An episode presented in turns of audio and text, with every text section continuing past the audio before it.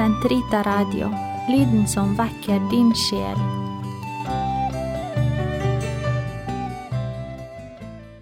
Trenger vi helgener i dag? Svært mange går omkring med helt gale forestillinger om hva en helgen er. De ser for seg blodløse personer som gjemmer seg i kirker og klostre og er fremmed for all menneskelig svakhet og synd. La oss sammen prøve å få et riktigere bilde av de hellige. Hva er en helgen? Det kunne innledningsvis være på sin plass å forklare hva vi mener med en helgen. Det har mange forsøkt før meg, alle måtte de kapitulere før de nådde veis ende. En helgen lar seg ganske enkelt ikke definere. Vi kan nevne noen egenskaper vi forventer hos en helgen. Hun eller han må være ydmyk, barmhjertig, rettskaffen, tolerant, storsinnet, full av kjærlighet til Gud og nesten. Slike kvaliteter må en helgen ha. Det er bare det at de samme egenskapene finner vi hos enhver kristen som berenner for sin tro. Når Paulus skriver sine brev, starter han ofte med å titulere mottageren av brevet som de hellige i Rom, de hellige i Korint osv. Jeg går ut fra at hvis Paulus hadde levd i dag og sendt et brev til en kristen gruppe, la oss si Trondheim, ville han ha titulert dem som De hellige i Trondheim. Med det ville han mene det samme nå som den gang. Jeg skriver til dere som har avsondret dere fra hedendommen, som har ikledd dere den hellige Jesus Kristus, og som derfor er ydmyke, barmhjertige, tolerante, rettskaffende og fulle av kjærlighet til Gud og nesten. Saken er bare den at vi ikke kan sette likhetstegn mellom det å være hellig og det å være helgen. Det er klart at en helgen må være hellig, uten hellighet ingen helgen. Forskjellen ligger vel i dette at vi vanlige grå hverdagskristne er hellige i sin alminnelighet, men helgenene er hellige i sin særdeleshet. De er hellige med stor bokstav. De er, for å bruke et blatt uttrykk, superhellige. De er en fylde av hellighet som er oss andre ukjent. Det er her vi finner årsaken til at en helgen ikke lar seg definere eller dissekere under psykologiens lupe. En helgen er et religiøst mysterium som sprenger alle menneskelige begreper. Den anonyme helgen, samfunnets kraftreservoar. Når vi anvender slike superlativer på helgenene, skulle vi tro at de alltid glimret i offentligheten som supermennesker. Det er langt fra tilfellet. Noen ble kjent viden om fordi karitative verk de brant for og satte ut i livet med alle odds mot seg. Andre ble miskjent av sin samtid, ja, direkte motarbeidet, fordi de lå langt foran sin tid.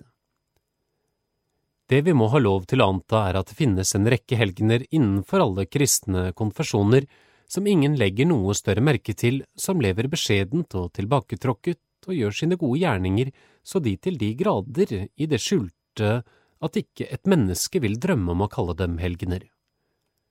Det er disse, gjerne anonyme helgener, vi trenger i dag. Uten dem går samfunnet til grunne.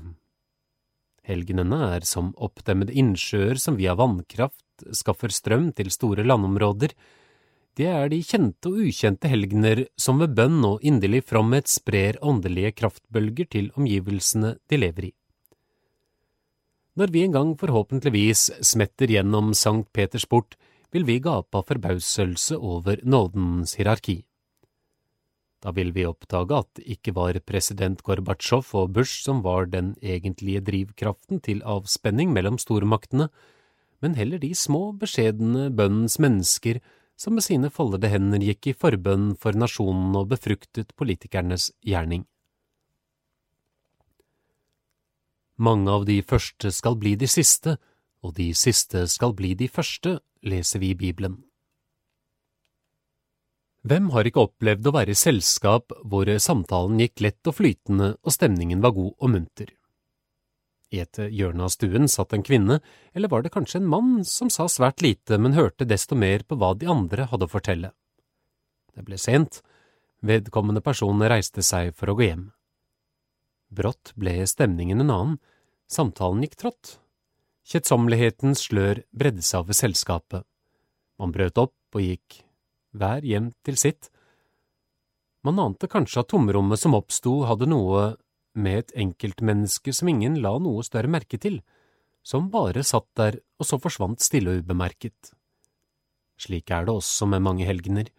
De lever sitt stille hverdagslige liv midt iblant oss. Vi tar deres fromme sinnelag og oppofrende liv som noe selvfølgelig. Når de en vakker dag forsvinner, er det som om en vegg detter ut av huset vi bor i.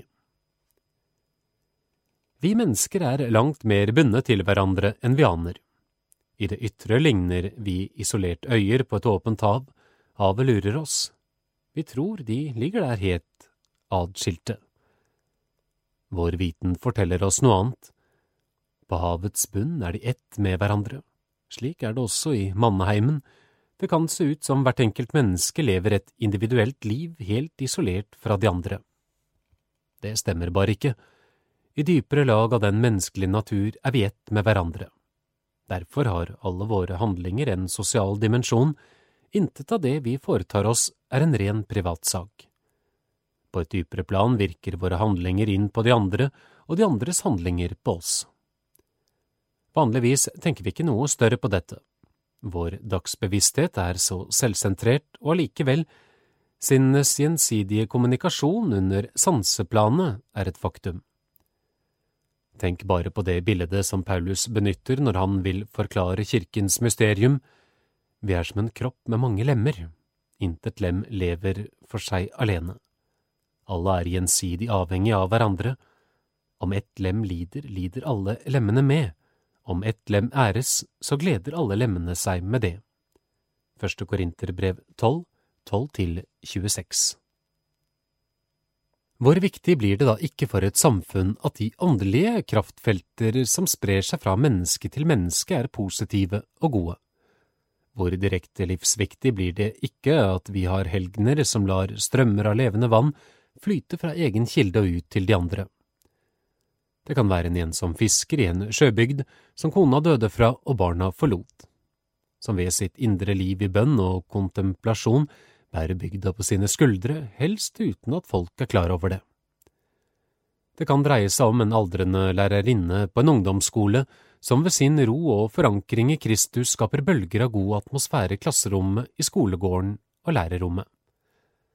Det kan være et helt spesielt barn i en familie som ved sitt indre liv og sin barnslige bønn holder en familie sammen, mildner de harde ord, gjengjelder ondt med godt, hindrer skilsmisse og oppløsning av hjemmet.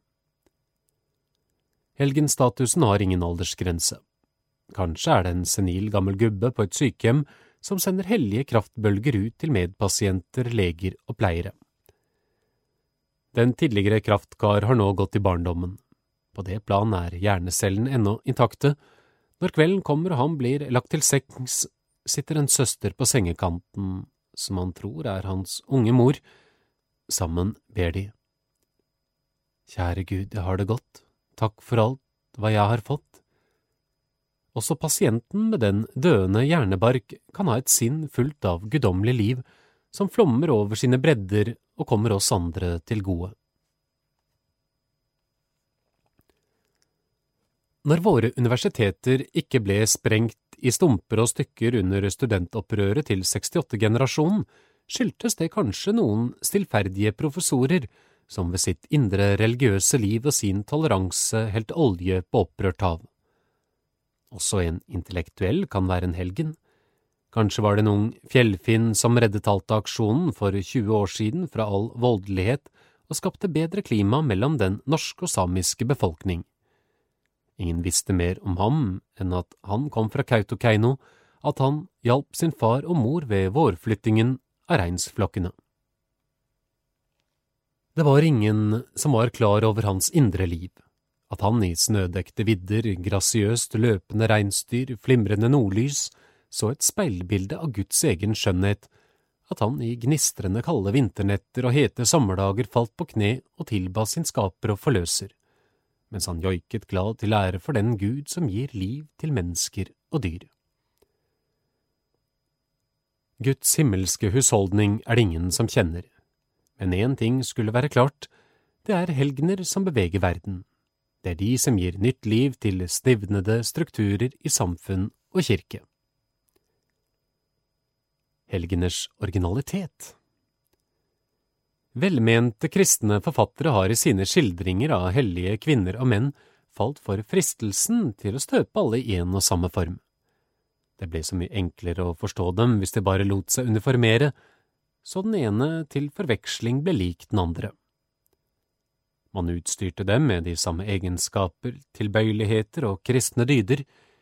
I helgenbiografienes skildringer henger de som perler på en snor, den ene lik den andre til kjedsommelighet. Dermed begikk de ikke bare en psykologisk, men også en teologisk fadese. For det forholder seg nå en gang slik den store kirkefader Thomas Akina skrev. Nåden bygger på naturen og fullender den. Når Gud fra sitt overflødighetshorn lar det strømme liv og lys inn i et menneskesinn, blir ikke menneskets individualitet nivellert. Persons særegenheter blir ikke fjernet, tvert imot, nåden bygger på de individuelle karaktertrekk og fremhever, ja faktisk fremelsker disse. Tenk nå en gang hvor forskjellige stifterne av middelalderens to tiggerordner var. Frans av Assisi var av natur en sprudlende sangviniker. Etter sin omvendelse ble han enda mer den han var, på trubadurers vis flakket han omkring i de umbriske skoger og på solrike sletter, fulgte sine impulser, tok forefallende jobber, tigget til seg litt mat, pleiet den første og beste spedalsk han møtte på sin vei, ba timer i strekk når anledningen bød seg, preket ustanselig for mennesker og dyr. Ingen klare fremtidsplaner, ingen strukturert strategi, en ulærd mystiker som brant for Guds ære og sjelenes frelse en herlig gudsspillemann på jord som spøkte og lo, selv under kroppslige pinsler og sjelens mørke natt. Hvor forskjellig fra ham var ikke Sankt Dominikus som levde på samme tid. En alvorlig skarpskodd filosof og teolog, en dyptpløyende tenker som med intellekt som våpen kjempet mot tidens vranglære. En strukturert natur som organiserte sin orden i minste detalj og la klare planer for fremtiden. Hvor forskjellig var ikke Frans og Dominicus av natur? Ved nådens innvirkning ble de enda ulikere. Én ting hadde de felles, de var begge helgener. Det samme kan vi si om alle kjente og ukjente hellige kvinner og menn. Få eller ingen er skåret over en og samme lest, alle beholdt og beholder de sin originalitet. Originalitet, ja, her finner vi stikkordet, vi trenger helgener så vi ikke drukner i kjedsommelig uniformitet. Vi trenger store kristne personligheter som ved Guds nåde våger å være annerledes. Vi trenger hellige menn og kvinner som har mot til å gå mot strømmen, som uforferdet bryter med fastlåste meninger og gjengse holdninger der hvor kristen tanke tilsier at brudd er nødvendig. Vi skulle jo ikke tro slike tanker var nødvendig i medienes tidsalder, vi får jo så mye informasjon. Vi kan vrake og velge mellom aviser, tidsskrifter, ukeblad, radioprogrammer, TV-kanaler og tusen ting på internett. Burde ikke all denne informasjonen ha ført til at vi lærte å tenke selvstendig? At vi i flommen av nyheter og oppfatninger kom frem til vår egen, helt personlige mening? Erfaring viser det motsatte. Vi trekker ikke personlige og selvstendige konklusjoner ut av medias vel av informasjon. Hver og en av oss blir som en liten databank matet med tusenvis av navn, tall og begivenheter. Den som vinner i kvitt eller dobbelt, har etter publikums oppfatning bestått kunnskapsprøven, selv om han eller hun er helt hjernevasket på andre områder hvor visdom kreves. Jo visst er vi blitt mer kunnskapsrike enn tidligere generasjoner, men er vi blitt visere? Neppe. Vi har tapt visdommens nådegave fordi vi har mistet vår sjel. Vi trekkes ut over til tingene. Vi har tapt evnen til å søke innover i oss selv, der visdommen er å finne der muligheten til personlig, original tenkning ligger skjult. Filosofen Heidegger hadde så rett når han skrev om tyranniet til das man, er forstått ikke som et substantiv, men et upersonlig pronomen. Jeg står opp om morgenen som man står opp om morgenen. Jeg spiser frokost som man spiser frokost. Jeg går til mitt arbeid som man går til sitt arbeid. Jeg leser avisen som man leser avisen. Jeg holder det for sant som man holder for sant. I Nord-Norge mener man det om de forbanna søringene som det man på de kanter mener om de forbanna søringene. I Oslo har folk de samme holdninger til alt og alle nord for Sinsenkrysset som man i den privilegerte hovedstaden har for vane. I brede lag av befolkningen raste man mot metoden i Børre Knudsens antiabortpropaganda som han gjorde i vide kretser. Hvis EU-debatten flommer opp igjen, vil man slå argumenter i bordet som man gjør i de to leirer. Selvstendig tenkning krever at vi søker innover i oss selv, at vi med jevne mellomrom våger ensomheten, kutter ut i tusener av sanseinntrykk, hviler ut i oss selv, finner sjelens tyngdepunkt hvor Gud bor. Å søke selve Gud og hans visdom er helgeners kunst. Forankret som de er i Gud, lar de seg ikke påvirke av demagogens skvalder og faller ikke pladask for tidens moteretninger og fastlåste holdninger. De viker fra den slagne blindvei, tråkker nye stier, blir banebrytere for ideer som på sikt viser seg å være riktige. Ta nå den hellige Frans av Assisi. Han var en original til de tusen, men ingen revolusjonær. Med sitt liv i radikal fattigdom og sitt syn på eiendommens sanne vesen la han grunnlaget for senere tiders sosiale lovgivning. Hans nærmest kosmiske naturfølelse skulle inspirere den malende kunst i ny retning, hans konsekvente pasifisme, som løste alle medlemmer av hans tredje orden fra krigseden, skulle få det føydale samfunnet til å vakle i sine grunnvoller for til slutt å gå i oppløsning. Eller tenk nå bare på den hellige Don Bosco, som skapte hjem og skoler for gateguttene i Torino. I sin pedagogikk eh, brøt han radikalt med det straffende system. Det kan stoppe forbryteren, sa han, men ikke endre hans sinnelag. Han gikk inn for et forebyggende pedagogisk system med tillit og vennskap mellom lærer og elev. For oss er dette en selvfølge, vi vet at han hadde rett. Det visste de ikke den gang i slutten av forrige århundre. Av sin samtid ble han forfulgt og baktalt. Slik kunne vi nevne eksempel etter eksempel på hvordan hellige kvinner og menn har påvirket sin samtid i positiv retning. Ja, tenk bare på banebrytende kvinner som Katarina av Siena, Therese av Avila, Birgitte av Vadstena, hvordan de talte paver, biskoper, fyrster og kongehus inn i samvittigheten, formidlet fred mellom stridende parter, høynet kvinnens stilling i samfunnet. Men hvorfor befatte seg med fortiden? Også i dag trenger vi helgener som ved sin skarpe intuisjon, sitt liv og eksempel løser tidens fastlåste problemer hva angår krig og fred, sosial rettferd, fattigdommen i u-landene, jordens forurensning, kvinners likestilling, den moralske oppløsning, trusselen mot menneskeverdet. Påvirker ved handling, ikke med ord. Av denne redegjørelsen kan en lett få inntrykk av at helgenene er skrivebordsteoretikere, som ved skarpsindig analyse korrigerer andres feil og staker ut ny kurs. Det stemmer ikke. Vel har vi hatt helgener som har utmerket seg innen teologi, filosofi og naturvitenskap. De langt fleste helgener er ikke teoretikere. De resonnerer seg ikke frem til løsninger på tidens problemer, de handler først og former eventuelle teorier etterpå. Når mor Teresa vandret gjennom Calcuttas gater og fant et døende menneske liggende på gaten eller et uønsket barn på en søppelhaug, satte hun seg ikke først ned og kalkulerte om hun ennå hadde plass til stakkaren i sine barmhjertighetsinstitusjoner. Hun ga seg heller ikke i kast med høytflyvende teorier om u-landsproblematikk. Hun gikk i stedet bort til den døende personen og det ulykkelige barn, ytet førstehjelp og satte alle hjul i sving for å få dem hjem til et av sine hus, om det var plass eller ikke. Det er nestekjærlighet i handling som karakteriserer de hellige. Fra dype kilder øser de sin kjærlighet ut til sine omgivelser.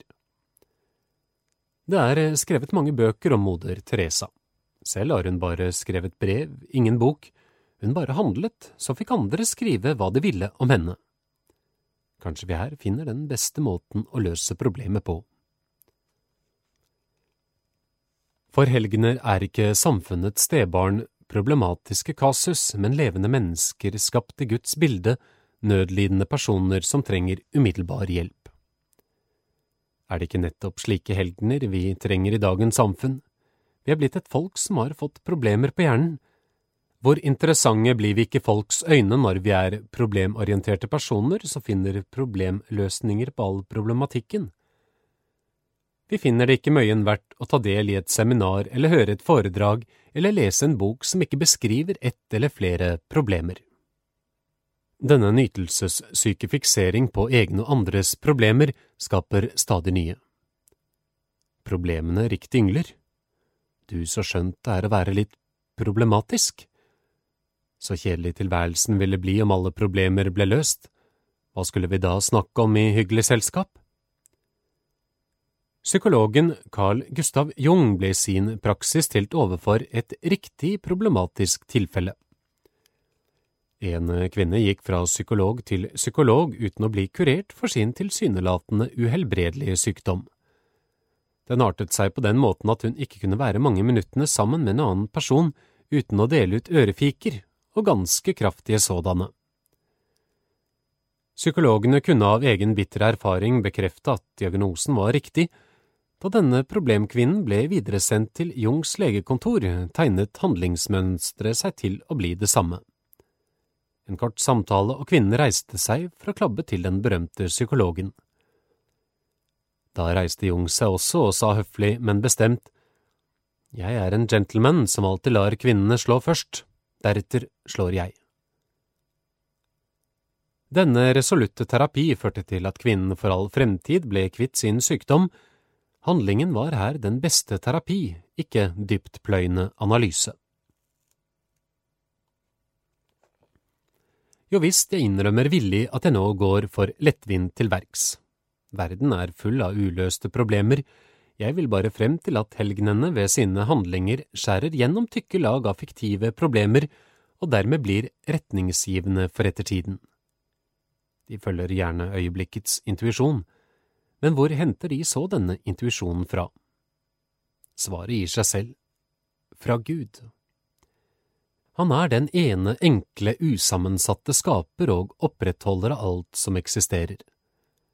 Vår lille hjerne dissekerer Gud i forskjellige egenskaper som rettferdig, allvis, allmektig osv. I virkeligheten er alle disse egenskaper hos Gud flettet inn i et eneste begrep. Gud er, og hans vesen er kjærlighet. Gud er kjærlighet leser vi i første Johannes brev 4,8. Ingen fatter og opplever dette mer intenst enn helgenene, mange av dem er mystikere. Gud skjenker dem et rikt bønneliv. Han trekker dem ned i kjærlighetens bunnløse hav, som er han selv. Der kaster de anker og forblir for resten av livet. Når de handler, tar de med seg det de har sett og opplevd på dypet, deres motiver blir enkle, problemfrie og lett gjennomskuelige. De bare spør hva som tjener kjærligheten best, og handler deretter. Egentlig stiller de slettes ikke dette spørsmålet. Deres gudinspirerte intuisjon vet svaret på forhånd. Med usvikelig klarsyn ser de hva som best tjener kjærlighetens sak, så følger de den oppstakede kurs uten å vike verken til høyre eller venstre. Derfor blir deres handlinger så enkle og problemfrie, de skaper ro, orden og harmoni i omgivelser hvor folk tidligere vasset i problematikk. Den hellige humor Det er en side ved helgenene som er lite kjent og kommentert. Jeg skal komme inn på den. De fleste helgener er glade til sinns og har en utpreget sans for humor. De advarer stadig mot å gi etter for tristhet, den norske barna-bitt-pater Carl Schilling pleide å si. Det største onde er et nedslått sinn, for det gjør sjelen ute av stand til å tilbe Gud. Den polske fransiskanerpater Maximilian Maria Kolbe, som stedfortredende gikk i døden for en familiefar i en tysk konsentrasjonsleir under siste verdenskrig, holdt humøret oppe hos sine medfanger ved spøk og latter.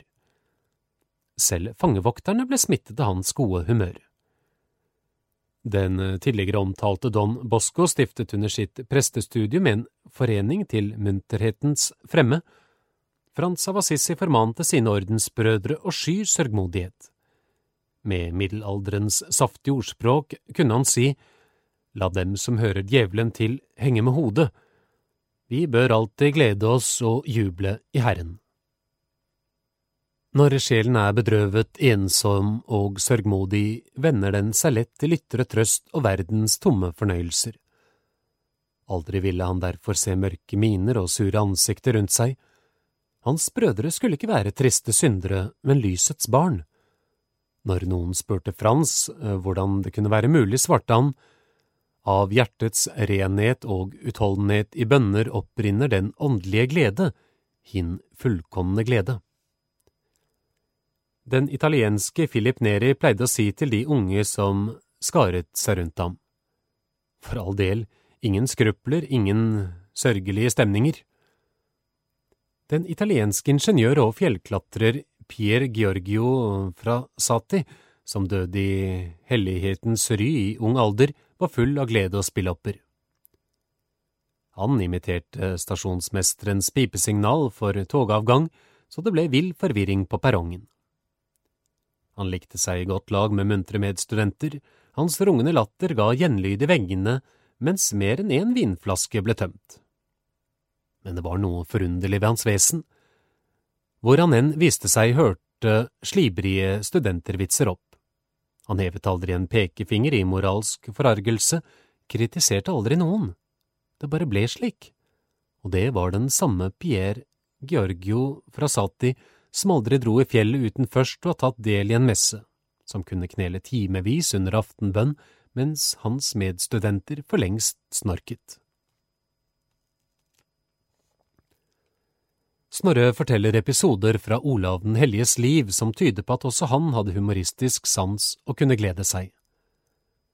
Et eh, fransk ordtak sier en sørgmodig helgen, det er en sørgelig helgen, det. Paulus sier i Galaterbrevet 5.22 Åndens frukter er kjærlighet, glede, fred, høysinn. Jeg ville tro at vi også i dag har behov for helgenenes glade latter.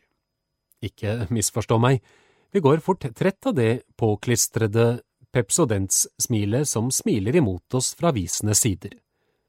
Det blir for stereotypt og slitsomt i lengden. Jeg har heller ikke så mye til overs for ungdomspresten som lener seg over skistaven og sier, Gutter, Jesus var frisk, dere. Jeg kan også styre min begeistring for kjendispresten som briljerer med vågte vitser i media, for så å høste stor applaus. Egentlig ikke så mye for vitsene, men for at han som prest kunne være så frisinnet. En latter kan dessuten være så mangt. Den kan være skadefro, ironisk, sarkastisk, kald, grusom. Det er helgenenes glade, befriende, gjerne litt naive latter vi trenger. Folk er blitt så alvorlige nå for tiden. Jeg savner de gode, gamle revyer hvor humoren vel kunne ha en snert i visse retninger, men sjelden var ondskapsfull. Vi lo så vi brølte den gang, før og like etter krigen. Jeg savner den syngende, skrålende glede vi opplever på sydligere breddegrader. Her hjemme på berget har vi nesten glemt å le, høyt og forløsende. En lektor på videregående skole sa til meg forleden, Jeg skjønner ingenting, jeg, pater Olav.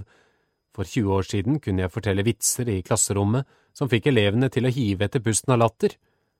Når jeg i dag forteller de samme vitsene, reagerer elevene knapt. Latteren har en egen evne til å avreagere aggresjon. Den som ler, tar seg selv ikke så høytidelig. Man kan ikke bli sint på et menneske som ler av seg selv, som ler av fornærmelser, som ler til sol, måne, stjerner og bror menneske. Jo, vi trenger helgener som kan le, som kan gapskratte. Du og min herlige Herre, som har gitt så mye glede i mitt liv. Smilet kommer så lett når jeg ser rikdommen i din velsignelse. Øynene mine smiler når jeg ser de uthungrede barn få mat. Min gamle munn smiler når jeg ser det går opp for folk at du lengter etter dem. Ofte, Herre, åpner jeg min munn og fyller den med latter, når jeg og søstrene ser hvordan du virkelig er og hver eneste dag ler vi den glede som du gir oss når vi synger vår lovsang til deg. Takk for denne fantastiske, frydfulle latteren, Herre. Mor Teresa. Den syndige helgen Helt til slutt av alt det jeg hittil har sagt, kan man lett få inntrykk av at helgener er plettfrie dydsmønstre uten feil og lyte. La meg få korrigere det inntrykket ved straks å føye til at helgenene var født med arvesyndens følger, de som vi. Ingen av dem var feilfrie. De slet med sine karakterfeil livet langt. De kjempet heroisk mot farlige lidenskaper. De visste hva nederlag betød, men ble aldri liggende i synden. De reiste seg straks og kjempet videre. De holdt seg til kongespeilet der faren sier til sønnen det er menneskelig å synde, men det er djevelsk å bli liggende i synden. Hellig Olav står mitt hjerte nær. Jeg holdt en gang et foredrag om denne karen med tittelen En syndig helgen som passer for meg. Ingen skal beskylde Olav Digre for å være feilfri. Selv etter at han ble kristen, var han flere år maktsyk og hevngjerrig. Hva annet kan vi vente av en miljøskadd unggutt som hadde ligget i Viking fra han var 12–18 år, som i den alder da karakteren blir formet, hadde fylt sanser og sinn med de verste grusomheter historien har kunnet oppvise. Når han så i 19-årsalderen lar seg døpe og vender tilbake til Norge for å ta kongedømmet over landet, var det da å forvente at han straks skulle forstå hele rekkevidden av det kristne kjærlighetsbudet og leve etter det? Umulig. Men det vi ser er at Hellig Olav så mange år sto med ett ben i vikingtiden og det andre i Kvitekrists leir, gjennom fall og nederlag skulle kjempe seg frem til full overgivelse til den Herre Jesus Kristus. Da han under slaget på Stiklestad fikk et hugg i foten, lente han seg mot en sten, kastet sverdet og ba Gud hjelpe seg. Også i dag trenger vi helgener som har en ekte, usentimental synsbevissthet, som i all ydmykhet kan vedstå seg sine feil og skavanker, og som derved fatter en sannhet som i vårt moderne samfunn langt på vei er gått tapt. At vi alle har frelsens behov. Oppsummering